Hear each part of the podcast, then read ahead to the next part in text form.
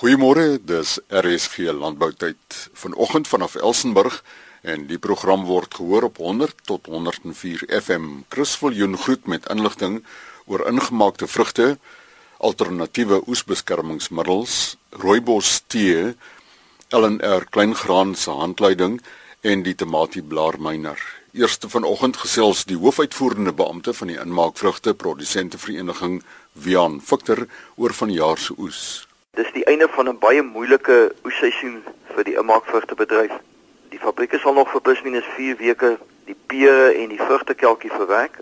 Ons het nog nie finale syfers ten opsigte van die grootte van die oes beskikbaar nie, maar dit is baie duidelik dat in die geval van Typet Perskus en Bon Christian pere die oes heelwat af is op skatting. Die oes is ook af in vergelyking met die vorige jaar en dit is hoofsaaklik as gevolg van kleiner vrugte en dit is ook die rede hoekom ons uh, 'n uh, moeilike oesjaar gehad het. Die droogte het ons bedryf uh, ernstig geknel. Uh, ons het wel in die begin van die seisoen 'n goeie jaar verwag. Vrugte het baie mooi geblom. As gevolg van die droogte is ons vrugte net oral kleiner gewees wat dan ook gelei het tot 'n kleiner volume oes. Die verdere rede hoekom die moeilike jaar hoekom dit 'n moeilike jaar vir ons is is die wisselkoerse verstewiging en soos ek al soveel male gesê het is is 85 tot 90% afhanklik van die buitelandse mark en as die wisselkoers verstewig soos wat dit nou plaasgevind het oor die afgelope aantal maande dan beteken dit maar net minder rande terug. Uh, ons verwag dat fabrieke en produsente kleiner betalings op die gaan terugkry in Suid-Afrika. Ons vind ook op hierdie stadium dat die mark baie stram is. Nie teenstaande die feit dat die vraag en die aanbod steeds in die wêreldmark in balans is, vind ons dat die verskepings van die gekontrakteerde tonnemate baie stadig is. Dit is asof die kopers op 'n baie stadige volume basis die gekontrakteerde tonnemate aanvra. Ons vind dit nie net in die Europese Unie mark nie, maar ons vind dit ook in die Midde-Ooste en in die Verre Ooste dat uh, die mark stram is vir hierdie tyd van die jaar. Ons verwag 'n verbetering soos wat die jaar sal vorder en ons hoop dat ons ons hele oes sal kan verkoop. Die hoofuitvoerende beampte van die inmaakvrugte produsente vereniging Wian Victor botaniese ekstraksies as 'n alternatiewe oesbeskermingsmiddel. Ons verneem op Jan Kempdorp by Dr Lerato Matsoyani van LNR Rodeplaat. When we talking about food security, we talking about availability We're talking about um, nutrition, we're talking about affordability, we're talking about sustainability, and the most important one that I would like to focus on is the safety of the food. When we're talking smallholder farmers, household farmers, and resource poor farmers, we're talking about people that are trying to make a living for themselves, that being food on the table as well as extra income. The research has shown that these farmers, uh, when it comes to crop loss. They experience tremendous amounts of crop loss. And this crop loss is due to pests and diseases and including other factors. I wanted to look at the loss caused by pests and diseases. And I found that there are some chemicals that have been banned, those that control pests, that control um, pests such as nematodes or insect pests, those that also control um, pathogens, that being fungus and bacteria because these are chemicals and they are non-biodegradable, meaning that they stay in the in the system, ecosystem for a very long time. These chemicals end up in the water system and getting into the water system means that it goes to the drinking water. These chemicals end up in the normal ecosystem, that being in the soil. And the other important one is the danger of these chemicals to human health. I need to do something, that being for the smallholder farmer, to assist them with the crop loss, but then also making it um, a safer alternative. As an example, if you take one clove of garlic and you take one onion and you grind them, and then from there you add them to boiling water, you mix it, maybe two liters of boiling water you mix, and then you add a teaspoon of chili powder, you mix it in, and then you take a teaspoon of dishwashing liquid soap, you add it to the mixture, allow it to cool, and you spray your crops, you are able to control cutworms, you are able to control millipedes, you are able to control aphids. For a smallholder farmer, making that concoction would probably cost them something like 50 rand as compared to using uh, chem- buying chemicals. The other thing is that the botanical extracts, as they call them, which are plant-based extracts, these uh, extracts, it has been found that they have a very short shelf life, meaning that within three to four days after application, it will be say they'll be degraded because they're biological and making the food safe for, for consumption. There are farmers who have what we call now the indigenous knowledge. For example, if you make a fire from wood for cooking, etc., you can take that ash and sprinkle it around your vegetable patch to control insects.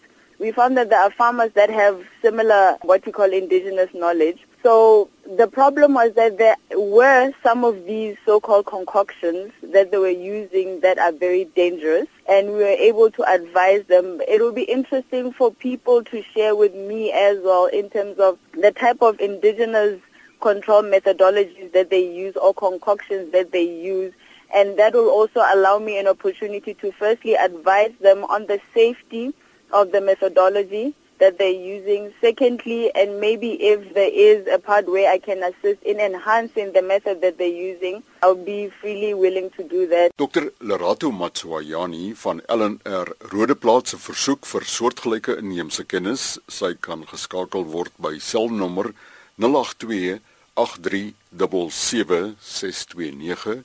Dis 082 8377629 of kantoornommer 082 Annelise Pick, dosent by die George Campus van die Nelson Mandela Universiteit, het sopas navorsing voltooi op rooibostee. Rooibostee wat eintlik 'n kruietee is, se gewildheid is onder andere tipe skryf aan die dat dit kafeïnvry is en in vergelyking met gewone tee 'n lae tannine inhoud het. Maar deesdae is die menige gesondheidsvoordele en antioksidant inhoud van rooibos wat aandag geniet op nasionale en internasionale gebied. Rooibostee bevat polifenole. Nou dit is antioksidantiese tipe plantstowwe wat onder andere die liggaamselle teen vrye radikale beskerm. Die oormaak van die vrye radikale in die liggaam kan ernstige skade en siekte meebring. Die unieke antioksidant inhoud van rooibos is moontlik die skakel vir die krye se gesondheidsvoordele. As sulks blyk dit onder meer om 'n beskermer te wees teen kanker en hartvaskiektes relatief min navorsing is al gedoen oor die voorbereiding van 'n koppie rooiboskrye tee om die maksimale antioksidant kapasiteit te lewer of dan terwyl die mees optimale koppie rooiboskrye tee. Navorsing het wel al bewys dat die tipe tee, die vorm daarvan, dat dit is die gebruik van teeblare, 'n teesakkie of ys, die aantal minute wat dit getrek word, asook die huishoudelike en kommersiële byvoegings daarbey 'n invloed op die totale polifenoliese inhoud en totale antioksidant kapasiteit het. So as deel van 'n intekverhandeling verskeie rooibossteemonsters voorberei ons lees daardeur om vas te stel hoe om die mees optimale kopie rooiboskrye voor te berei wat die maksimale antioksidantwaarde sal voorsien aan die verbruiker. Die resultate het aangedui dat rooibos voorberei met 'n rooibossteesakkie en vertrek vir 10 minute en langer behoor totale polifenoliese inhoud en totale antioksidant kapasiteit lewer. Vorige studies het ook al bewys dat 'n broutyd van 10 minute of langer wel voldoende is vir optimale ekstraksie van die polifenole. Met die gebruik van 'n vraelys het hierdie navorsing verder bevind dat slegs 15.9% van rooibostee verbruikers woonagtig in die George munisipale gebied wil tee vir hierdie tydperk laat trek. Ek sluit af deur verbruikers dis aan te raai om 'n rooibos tee lank genoeg, dit wil sê ten minste vir 10 minute te laat trek en daagliks ten minste 4 tot 6 koppies te geniet. Sodoende sal verbruikers dan wel die gesondheidsvoordele van hierdie alkoliese drankie kan benut. Oor die gesondheidsvoordele van rooibos tee het gesels Hannelise Pick van die Nelson Mandela Universiteit se George Campus. Haar selnommer 082 459 6375. Dis 082 459 6375. Die 2017 LNR kleingraan handleiding vir die produksie van kleingrane is beskikbaar. Ons verneem by skakelbeampte Elri Burger. Kleingraan publiseer jaarliks 'n kompakte handleiding wat die jongste inligting met betrekking tot suksesvolle kleingraanverbouing bevat. Die handleiding stel baie nuttige en duidelike riglyne waarbinne aanbevelings en produksiebesluite gemaak behoort te word. Hierdie jaar is daar 'n splinte nuwe hoofstuk oor onkruidbeheer en ook nuwe insekte wat produsente se oeste bedreig en dan inligting oor kleingraan se nuwe alleel profieldiens wat onkruiddoder weerstandbiedendheid insluit. Twee afsonderlike handleidings is in Afrikaans en Engels beskikbaar vir die somer en die winterreensgebiede onderskeidelik. Danksy die finansiële ondersteuning van die Wintergraan Trust kan die produksiehandleiding gratis aan kleingraanprodusente verskaf word. Kleingraan is jaarliks verantwoordelik vir die nasionale kultivar evaluasieprogram en die inligting en aanbevelings wat in die handleiding vervat word, is die resultate van hierdie program. Die riglyne bied 'n verwysingsraamwerk waarbinne meer spesifieke aanbevelings of keuses behoort te val. Met die opstel van die aanbevelings en samevattings is die volgende faktore in aanmerking geneem: graanopbrengs, aanpasbaarheid en opbrengstabiliteit, aanvaarbare graankwaliteit, siekteweerstand, agronomiese eienskappe soos omval, pitvasheid, uitloop ensovoorts. Die waarde van hierdie inligting is dat die prestasie van individuele kultivars in spesifieke jare sowel as oor die mediumtermyn met mekaar vergelyk kan word. Die groot variasie in klimaatstoestand en die onvoorspelbaarheid daarvan noodsaak kultivar keuses wat die risiko sal verlaag.